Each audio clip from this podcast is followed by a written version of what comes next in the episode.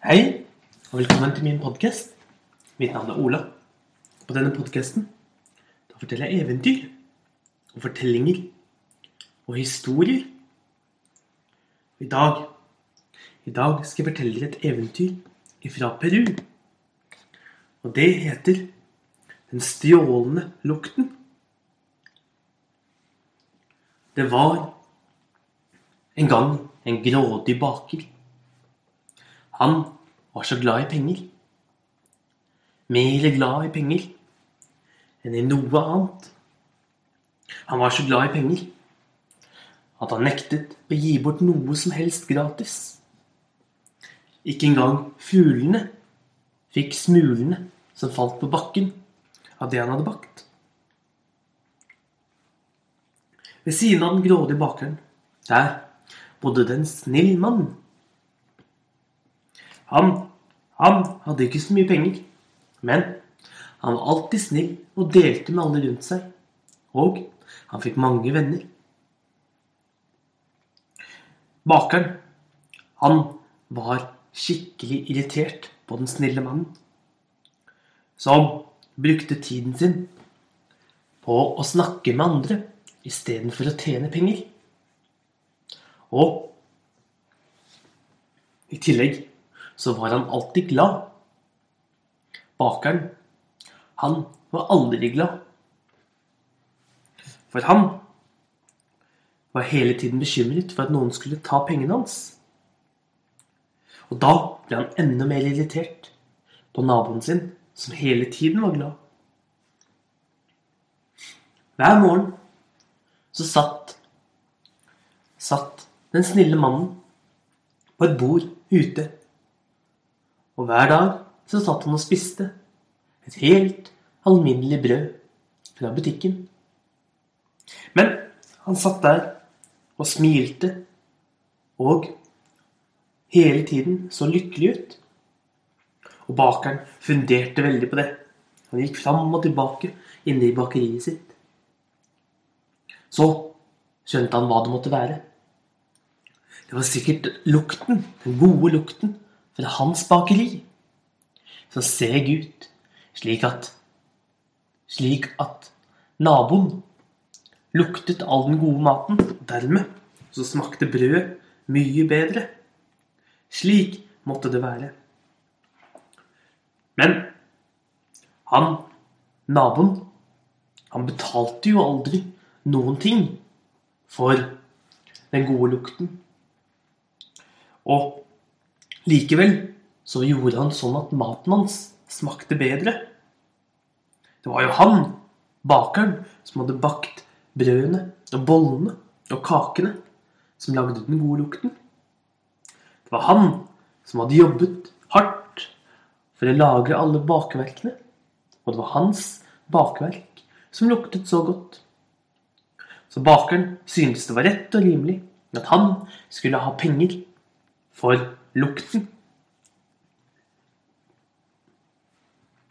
Hver dag så satt den snille mannen på bordet, og hver dag så spiste han helt alminnelig brød. Hver dag. Så satt han og smilte. Men en dag kom bakeren bort til han med et langt ark. Det var en regning. Og på regningen så sto det at mannen måtte betale ti gullpenger til, til bakeren fordi han hadde luktet lukten fra den gode bakeriet. Mannen begynte å le. Han hadde aldri hørt om noen som betalte for å lukte. Men bakeren ble illsint og sto og hoppet opp og ned mens han slo med de små hendene sine på lårene sine. Jeg skal ta det med til dommeren.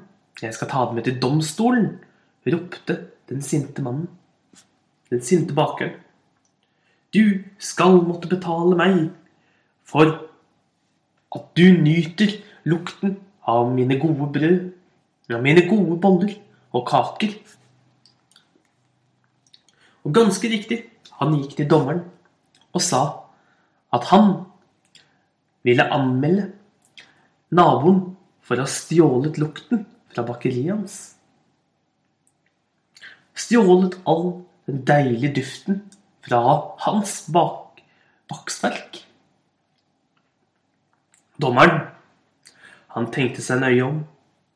Han var en kjent dommer, og han ble godt likt fordi han alltid gjorde en grundig jobb. Han tenkte seg godt om. Så sa han at både bakeren og mannen som bodde ved siden av, skulle møte opp i domstolen dagen etter. Og mannen som, som spiste brød og bodde ved siden av bakeren, han måtte ta med seg ti gullpenger til rettssaken. Bakeren gned seg i hendene. Han gledet seg til å få gullpengene til naboen. Og den stakkars snille mannen, han, han hadde ikke annet valg enn å ta med seg alle pengene han hadde. Og Det var ti gullpenger.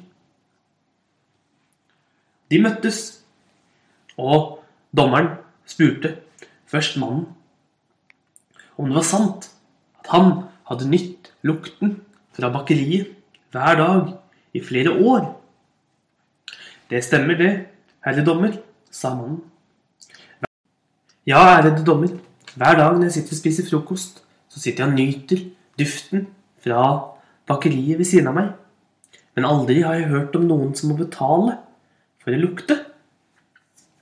Det hadde ingen andre i av de som satt og så på, heller hørt om.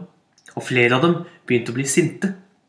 Skulle det være sånn at bakeren skulle vinne, måtte mannen betale for å lukte. Og dommeren sa, Kan du vennligst komme fram med dine ti gullpenger? Og mannen gjorde så. Nå kan du legge dine ti gullpenger på bordet foran meg. Og mannen måtte legge fra seg sine ti gullpenger på bordet foran dommeren. Så, så reiste bakeren seg og gjorde seg klar til å gå fram og hente pengene som han syntes han fortjente. Men dommeren stoppet han og spurte. Jeg har noen spørsmål til deg, baker. Er det sånn at du kunne høre pengene når de traff bordet? Ja visst, sa mannen. Og liker du lyden av penger? Og den beste lyden i hele verden. Likte du så lyden fra gullpengene som ligger foran deg?